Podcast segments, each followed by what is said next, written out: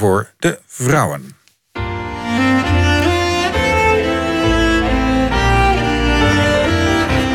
Het spoor terug.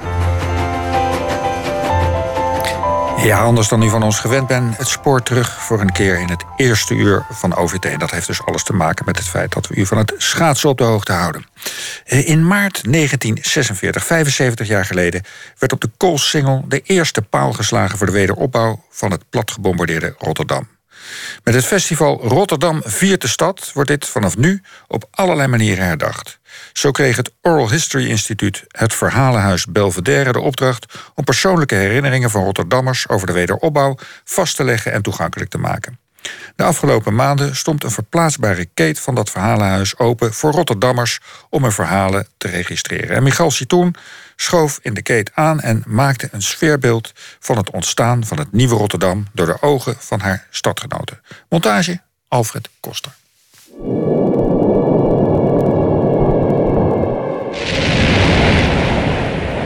Hij is een echte Rotterdammer. Hij zag de bommen en de brand. En na het puin, de kale vlakte. Hij kent de smaak nog van het zand. Wij zagen het gebeuren, want wij waren aan het vluchten. Want wij dachten, ja, ze gaan dadelijk hier ook beginnen. Unter dem Einsatz modernster Waffen bricht die Verteidigung von Rotterdam zusammen. En toen kwam er een eskadron aan. En die zwaaiden af en die zijn toen bij strijden hebben ze bommen neergegooid. Der holländische Parlamentär bietet die Übergabe der Stadt an, die schon an vielen Stellen in Flammen steht. Ik was vier en dat je nagaan de indruk dat dat gemaakt heeft. Toen na het bombardement waren we in Roon en daar kwam verbrand papier. Door de wind werd dat meegenomen en dat kwam dus in Roon terecht. En dat weet ik nog. En ik heb twee familieleden verloren. Die zijn dus, die zijn dus echt uh, ja, dood. Hij heeft gewerkt in de haven. Hij heeft de palen hier zien slaan. En als er ergens wordt gegraven, zie je hem bij de bouwput staan.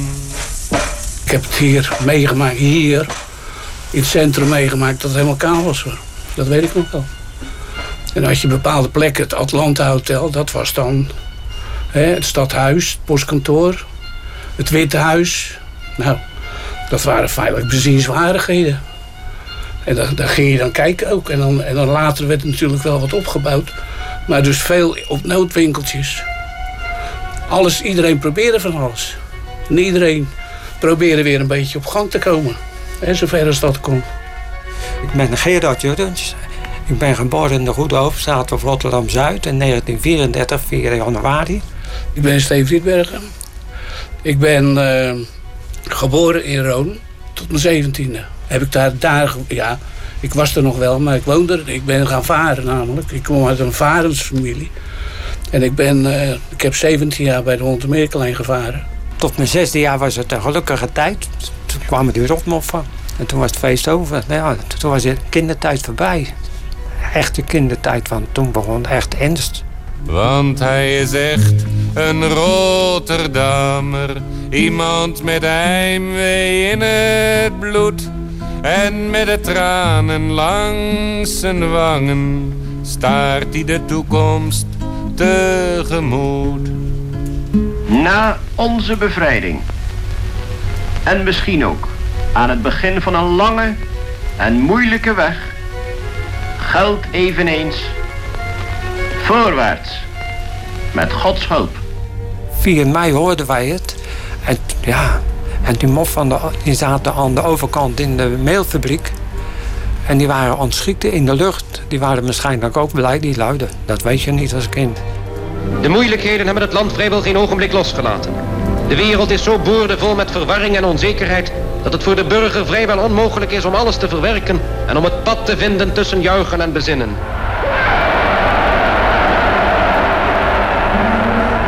Toen begon het feest, hè? Maar, maar we waren nog lang niet bevrijd, want de achtste zag ik pas de eerste Canadezen, dachten we. Maar het waren twee Hollandse dokters en die moesten naar de school toe, waar onder voeten kinderen lagen. Want dat was verschrikkelijk. Ik heb ook straat. Bij ons voor de deur is er ook een oude man dood gegaan, zomaar. Rotterdammers, er is in eigen omgeving nog veel nood te lenen. Rotterdam mag zijn stadgenoten niet in de steek laten. Ja, ze vielen echt dood op straat. Ja, dat... Dat is anders als dat je hele vrije jeugd hebt, zoals mijn kleinkinderen. Ook in onze stad zijn er toestanden die onmiddellijke hulp dringend noodzakelijk maken. Toen waren ze al een beetje begonnen. Met, in ieder geval de puin was weg. Er stond vol met koren. En er stonden groenten. En er werd natuurlijk gejat door de mensen van de honger. Want dat mocht eigenlijk niet. Er werd zwaar bewaakt dat dat niet gebeurde. Iedereen liep erover en te stelen. Want je stokt echt de zotmoord van de honger.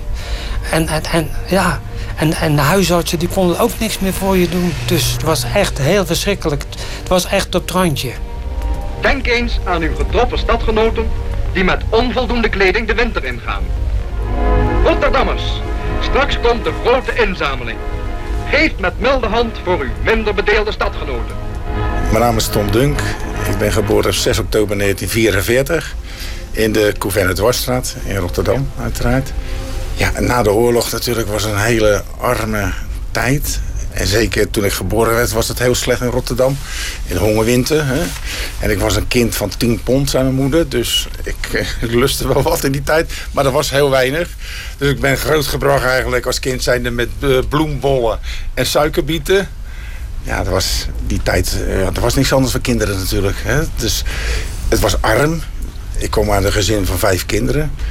En in de Covernestraat, de hele buurt hier, dat waren natuurlijk alleen maar ja, arbeidshuisjes. Hele kleine huisjes, twee kamerwoningen. Een huiskamer, een slaapkamer en de keuken. Nou, daar woonden wij ook in, met z'n zevenen. Ja, tegenwoordig onvoorstelbaar, maar ja, toen was het gewoon allemaal normaal. Zeker na die oorlog met de woningsnood.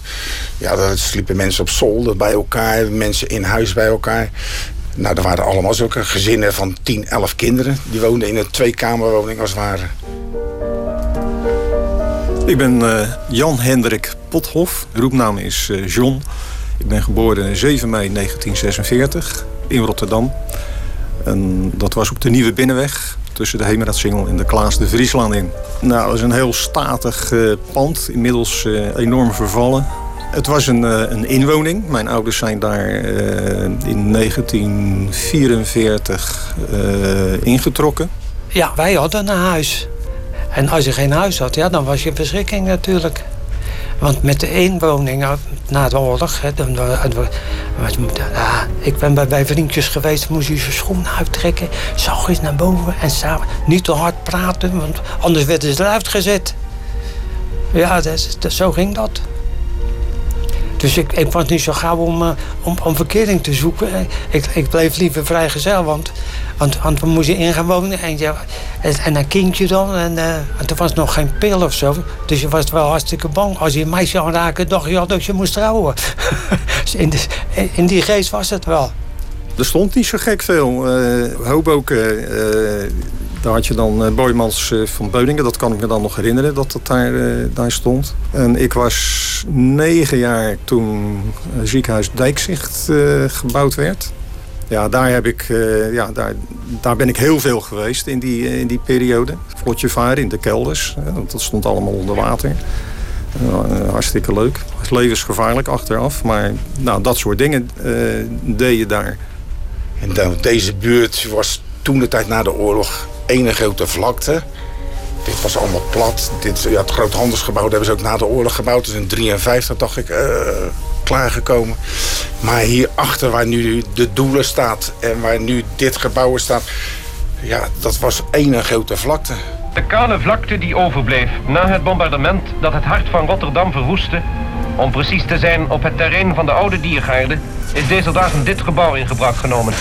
Het bouwcentrum, dat dienst zal doen als internationaal voorlichtings- en documentatiecentrum voor de hele West-Europese wederopbouw. Voor ons kinderen na die oorlog, in de jaren 50, 60, ja, was dit een hele ideale buurt natuurlijk. Je, had, je kon spelen wat je wil, je had weinig verkeer. Het centraal station was ene vlakte hier ook. Maar hier aan de overkant stond bij niks. Nou, bij de Kruiskade was ook een hele hoop gebombardeerd. Dus hele lege straten, lege wijk. Ja, voor ons kinderen was dat dat betreft wel een ideale wijk natuurlijk. Ik was alleen maar op straat. Ik had een speelgebied van, uh, vanaf de Koolhaven tot, uh, tot aan de Parkkade. Ja, de, de hele binnenstad. Ik ben Jan-Willem Vader. Ik ben geboren in Zeeland in Krabbedijken. Dat ligt op Zuid-Beverland. Uh, 26 september 1940.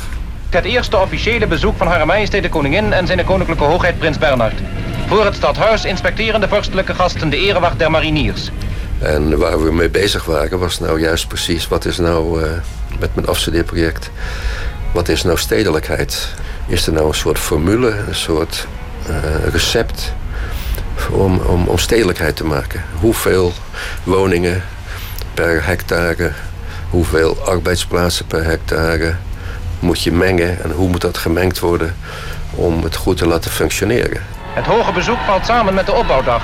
De jaarlijks terugkerende dag waarop Rotterdam de balans van het herstel opmaakt. Koningin en prins gaan zich vandaag persoonlijk op de hoogte stellen van de stand van de wederopbouw. Hier na de oorlog, dit was allemaal platland. Hier stonden hele hoge bergen met puin. Toen gingen ze hier het centraal station bouwen. En ook ja, later de doelenpas, de lijnbaan in 53, die was toen klaar. En wij als kind zeiden, ja, we hadden kolenkachels. En moest je altijd met hout aanmaken. En dan gingen we altijd hout jatten in die bouw. En dat hakte in stukjes als jongens zijn. En dan ging je dat verkopen, weet je wel, aan de buren voor een paar centen. En dan, ja, dan had je weer wat uh, te koop. Na het bombardement hebben ze al een heel plan gemaakt voor Rotterdam weer op te bouwen. En dat is natuurlijk uh, gedeeltelijk gelukt en ook gedeeltelijk niet gelukt. Rotterdam straks. Dat is de naam van een tentoonstelling in het museum Boymans... die in maquettes in beeld brengt hoe Rotterdam er straks zal uitzien. Het plan van Van Traag uit 1946, dat was natuurlijk echt het, de functionele stad. Minister Neer, de minister voor de wederopbouw, toonde zijn belangstelling. Men is in Rotterdam reeds druk bezig om de plannen uit te voeren. De opbouwdag die kort geleden gehouden werd en die elk jaar zal terugkeren... vormde een uitstekende gelegenheid om te zien hoe de zaken staan. Het verkeersplan was eigenlijk dominant. De ruimtelijke structuur volgde eigenlijk de verkeersstructuur. En de functies was eigenlijk uh, winkelen, uh, werken en overheid. En wonen dacht men toen goed aan te doen om geen woningen terug te bouwen... behalve dan voor winkeliers of portiers of zo. Maar vooral in wijken in, in het groen buiten de stad... waar licht en lucht uh, je omringen. In Charlois nemen ze kennis van de vorderingen welke gemaakt zijn op het gebied van de woningbouw. Een van de 125 woningen welke hier reeds voltooid zijn werd bezichtigd. Na het bezoek aan de Wielenwaal, zoals het complex woningen hier genoemd wordt... staat een tocht door de havens op het programma. Dus ik denk in 66 dat ik naar het eerst in de Alexanderpolder gewoond. Het was allemaal uh, nieuw in, in uh, Alexanderpolder toen. Dus dat was, ja, alleen winkeltjes, dat was het, in, vooral in het begin was dat een probleem. Want dan moest je soms heel ver rijden voordat je dus in een, bij een winkel was, of winkelcentrum. Maar voor de rest was het prima. Die, die flats, die, dat, dat was allemaal nieuw. Dus dat was uh, best wel prettig om te wonen. Er woonden hoofdzakelijk Rotterdammers. Want toen had je nog niet zo'n stroom. Ja, de stroom van, van binnenkomers, nieuwe binnenkomers, die woonden meer op Zuid. Had je het Brabantwijk, had je, en uh, weet je, het Witte Dorp in, uh, bij Schiedam. Daar woonde ook wat. Maar niet, uh, de Rotterdammers op zich niet zo. Nee kan me niet herinneren hoe het voor, voor dat bombardement was. Dus ik kan niet het verschil aangeven. Wat ik wel kan, ja, wat ik weet, dat is dat het inmiddels redelijk volgebouwd was. Met flats en een nieuwe Bijenkorf en, uh, en uh, Vrome Dreesman en de Hoogstraat. Dat was allemaal nieuw, nieuw neergezet.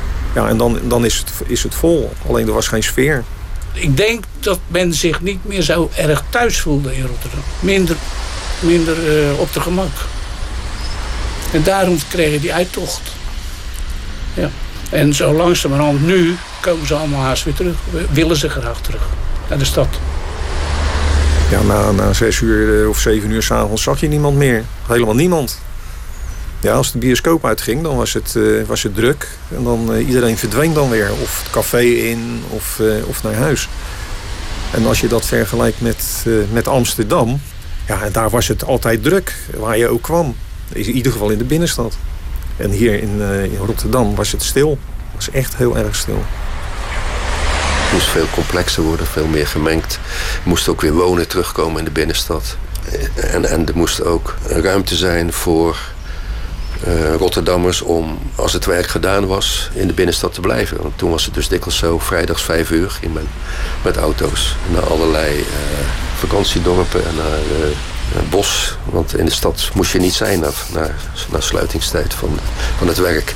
Er zijn heel veel mensen weggetrokken richting Zuid, onder andere. Want daar werd heel veel nieuw gebouwd. Maar ook naar, naar om, omliggende gemeenten, zoals uh, Alblasserdam, Ridderkerk, uh, Oud-Beierland. Kijk, net zoals deze flats hier. De lijnbaanhoven, zeg maar, die zijn in 57 opgeleverd. Dus daar zijn ze al in, in 54, 55 zijn ze daarmee begonnen. Om dat weer op te bouwen, ja, dat was wat natuurlijk. Want dat was flats in de stad. Want je was alleen maar uh, laagbouw gewend in wezen. Zij speelde vroeger langs het water bij het standbeeld van Piet Hein. En komt ze daar nu, jaren later, dan lijkt Delfshaven half zo klein. Dat de Rotterdammer niet bang is voor nieuwe ideeën, bewijst de lijnbaan. Een winkelcentrum waar maar liefst 70 speciaalzaken als het ware één warenhuis op straat vormen. De lijnbaan neemt dan ook in het Rotterdamse centrum een aparte plaats in. Er rijdt geen verkeer, dus je kunt rustig wandelen en oversteken. De grote luifels zorgen ervoor dat je ook bij regenweer verder kunt winkelen zonder nat te worden. De lijnbaan is een bezienswaardigheid op zichzelf. Heel vrolijk en bijzonder gezellig. Mijn naam is Nel Kwispel. Ik ben geboren 8 augustus 1947. Als ik terugkijk, gingen wij bijvoorbeeld nooit winkelen in de lijnbaan. Mijn, mijn vader werkte daar. Hij was pianostemmer nadat natuurlijk de lijnbaan uh, geopend was in 1953. Zijn grootvader, Casparus Quispel, heeft in 1865 de pianohandel uh, opgericht. Hè, Quispel Piano- en Orgelhandel. En in ieder geval, in, bij het bombardement is het hele pand en alles uh, gebombardeerd met de grond gelijk gemaakt. En de Kwispels hebben toen uh, in een noodwinkel gezeten aan de Goudse Singel. En toen de mogelijkheid zich voordeed om in de, he, de, toen de lijnbaan gebouwd zou gaan worden, om daarin een pand uh, te kopen. Toen hebben ze ja, daarvoor getekend in feite. De nieuwe winkelcentra hebben Rotterdam terecht een goede naam bezorgd.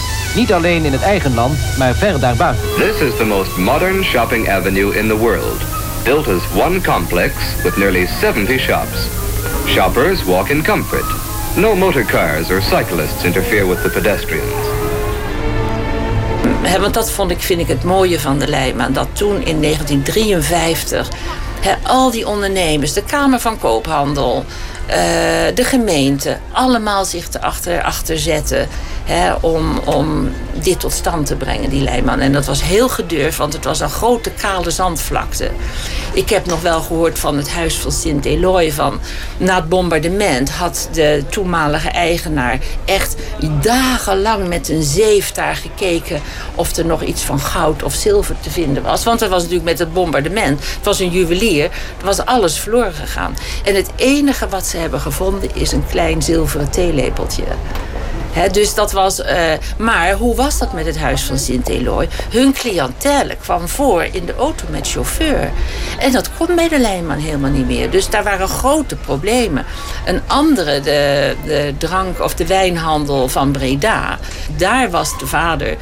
Um, die wilde eigenlijk boven de, boven de zaak gaan wonen, want dat was toen gebruikelijk. Het, het, het, unieke van de Leijman was dat je er ook niet boven ging wonen.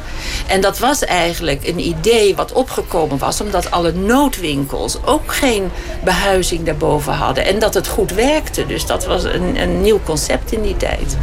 In de krant ziet ze de foto's waar je naar raden moet waar zo'n foto is genomen.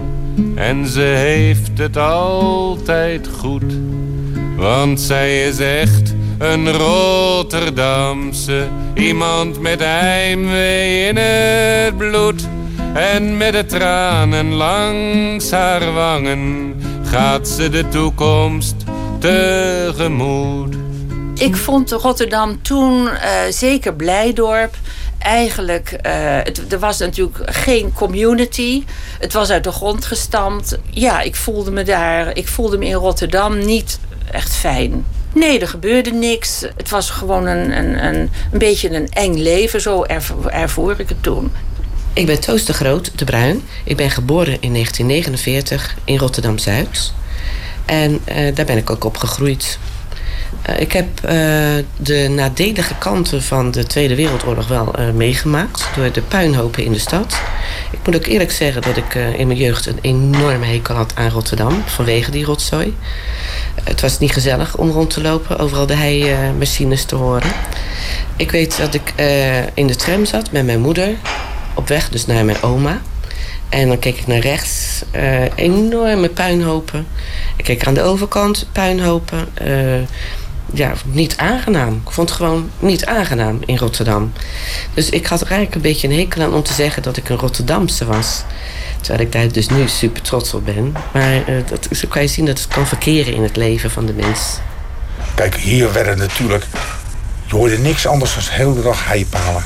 Dat was en niet zo tegenwoordig, dat was echt maar stoom. Hè. Er stond de hele dag zo'n vent zo, als een paal te trekken.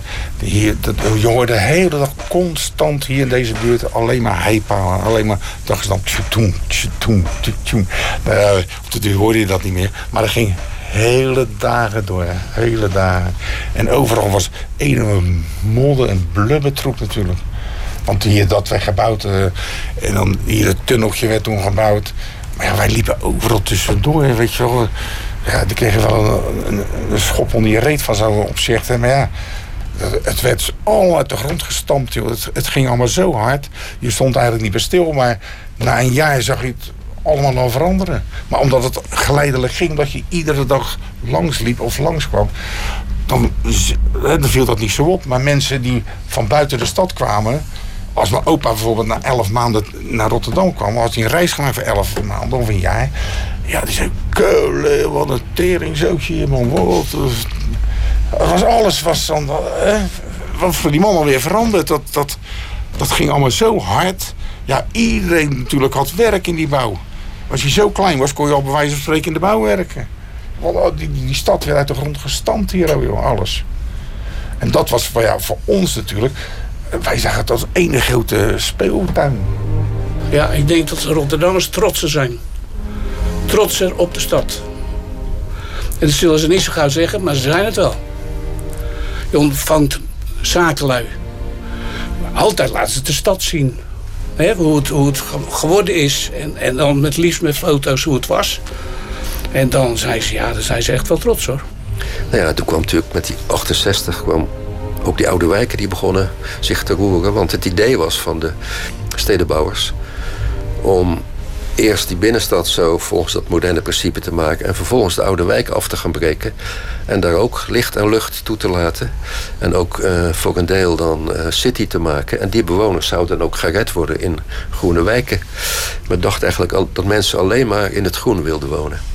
En uh, toen kwam men eigenlijk achter met al die protestbewegingen dat uh, er ook andere soort mensen zijn die gewoon houden van dat impulsrijk wonen, zoals ik het dan noem. Was veel gebeurd. Natuurlijk was er ook veel protest tegen de verwaarlozing van die oude wijken, want die zouden toch gesloopt worden. En, uh, nou ja, dat, enerzijds was het dus het begin van de stadsvernieuwing. Anderzijds was dat het begin van de, een nieuw stedenbouwkundig beleid. En andere uh, politici die eigenlijk behoorlijk braken met het beleid tot dan toe. De omslag noem ik het altijd, 74. Toen werd eigenlijk bestuurlijk ook uh, vastgelegd wat in de beweging in de, in de stad de jaren daarvoor al uh, gaande was. Maar ja, kijk, ik was uh, 16, ging, ging ik varen. En mijn ouders die gingen toen verhuizen uit de Cavernestraat. En die gingen naar Zuid wonen. Nou, dat was voor mij een vloek, weet je wel. Ja, als je uit de stad kwam en je ging naar Zuid toe, dat was helemaal drie keer niks natuurlijk. Maar ja, ik vaar, ik heb dat niet bewust zo meegemaakt. En mijn ouders hebben er heel lang gewoond. En ik ook, mijn twee kinderen zijn op Zuid geboren. Maar ik ben gauw weer naar de stad gegaan. Maar met deze stad, jaren 60 zo, toen ik in dienst zat, ik zat in 64 in dienst, toen kwam ik hier ook wel vaak, want ik moest natuurlijk naar het Centraal Station, te wonen op Zuid. En toen kregen hier heel veel van die Surinamers en junkies. Toen ging die buurt zo achteraan. Maar mijn oma en twee omers die woonden van mij nog in de Caverne Dwarsstraat. Dus daar kwam ik altijd nog wel. Maar die straat ging zo hard achteruit. Met junkies en... eh, dus ik had daar geen, geen binding meer mee. Ik kwam hier altijd op de Kruiska heen, Café de Mollenroes. Daar kwam ik altijd nog. En toen ik vaarde... maar die, buurt zelf, ja, die verpauperde zo erg. Die diergaardensingel was een junkie allemaal. Allemaal kraakpanden en junkies. En die buurt die keihard achteruit toen. Als je nou terugkijkt naar de wederopbouwperiode, dan zie je dat de eerste 10 jaar, 15 jaar is, is vooral gewerkt aan wederopbouw van de eh, infrastructuur, de haven, de verkeerssituatie, de wegen.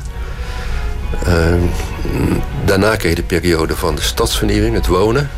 Dus werken en wonen. En wij bedachten toen, dat zei ik ook altijd, er is meer in het leven dan brood op de plank en een dak boven je hoofd. En dat mist de binnenstad van Rotterdam. Alles wat je nog meer kan doen in je leven dan werken en wonen. Dus eh, vrije tijd, onderwijs, cultuur, uitgaan.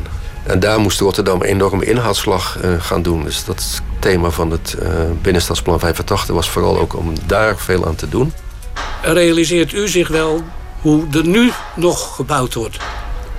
Als je nou toch door de stad rijdt, nu en waar het dan overal opgebroken is en waar het overal wegversperring is en omleggingen en wat er allemaal gebouwd wordt.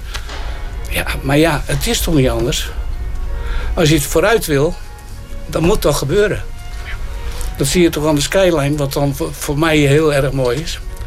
Als oude stad kan dat niet, maar als nieuwe stad kan het wel. En waarom zou je het dan niet doen? Ik vind Rotterdam volwassen geworden. Ja, het is een, het is, stad geworden weer met, uh, ja, met een hart. En je ziet nu ook, net zoals zo'n zo markthal... Uh, ontzettend mooi vind ik dat eigenlijk wel, ja, architectonisch gezien. Want hij is echt een Rotterdammer. Iemand met heimwee in het bloed. En met de tranen langs zijn wangen gaat hij de toekomst tegemoet. En zo, zo is de opbouw in het begin van die jaren gewoon gegaan. Ook die mensen, die, die havenarbeiders, die moesten echt werken. Maar ja, er waren ook beren van gasten. Ik, merk toch op de bokschool, ik geef zo'n jongen 6, 27 jaar een handje. Het is net of ik mijn zusje een handje geef. Er zit geen power meer in, weet je. Ook geen karakter. Want ze denken, ja, dat... Denk dat ik vroeger in mijn hoofd haalde om tegen een baas te zeggen of tegen een voorman te zeggen: hey, ga even zitten hoor, ik ben nou moe. nou, toen kreeg ik eigenlijk een, een, een doodschop. Ja, moe, wat moe? Vanavond als je thuis bent mag je moe zijn. Nou niet, en dan sodemiet hier maar op. Dit is een stad om van te houden. Dit is een stad die toekomst heeft. Want het verleden zit niet in gebouwen, maar in het heimwee dat hier leeft. Wij hadden het arm, maar je had wel sociaal leven. Vriendschap uh, met je maatjes. Nou, als ze elkaar zitten naast elkaar, zitten ze elkaar te appen. Maar je kan wel terugkijken op een jeugd. Dat je zegt van ja, wij hebben er wel wat meegemaakt. We hebben die stad groot zien worden. We hebben de metro zien bouwen. Ik heb Centraal Station zien bouwen. Je hebt die opbouw gezien van die stad van, van puin en van ellende. Naar mooie huizen. Hè. Toen een beetje gerenoveerd. En wij, die, onze generatie na de oorlog, die hebben die armoede meegemaakt. Ook de, de wilde, van, van, zeker de jaren 70, 80. Toen kregen wij het goed. Je kon werken waar je wou. Je, je kon verdienen wat je wou. En, maar als je terugkijkt op die opbouw van Rotterdam... ja, die mensen hebben het toch wel zwaar gehad, hoor. Maar wel met een resultaat. Je hebt wel wat neergezet. Hij is een echte Rotterdammer. Hij zag de bommen en de brand... En na het puin, de kale vlakte, hij kent de smaak nog van het zand. Hij heeft gewerkt in de haven, hij heeft de palen hier zien slaan. En als er ergens wordt gegraven, zie je hem bij de bouwput staan. Want hij is echt een Rotterdammer. Iemand met heimwee in het bloed. En met de tranen langs zijn wangen staart hij de toekomst tegemoet. Zij speelde vroeger langs het water bij het standbeeld van Piet Hein. En komt ze daar nu, jaren later, dan lijkt Delfshaven half zo klein. In de krant ziet ze de foto's waar je naar raden moet. Waar zo'n foto is genomen en ze heeft het altijd goed. Want zij is echt een Rotterdamse, iemand met heimwee in het bloed. En met de tranen langs haar wangen gaat ze de toekomst tegemoet. Hij is geboren in Turkije, maar hij vond werk... Ja, u hoorde Rotterdam viert de stad. Met dank aan het Verhalenhuis Belvedere en de vrijwilligers die dit project mogelijk maken. Met name Linda Malherbe, Joop Rijngoud, Peter Kleijsen, Erik Post en Laura Schalkwijk. Meer informatie op onze site npogeschiedenis.nl slash OVT. Een site waar nog veel meer te beleven is.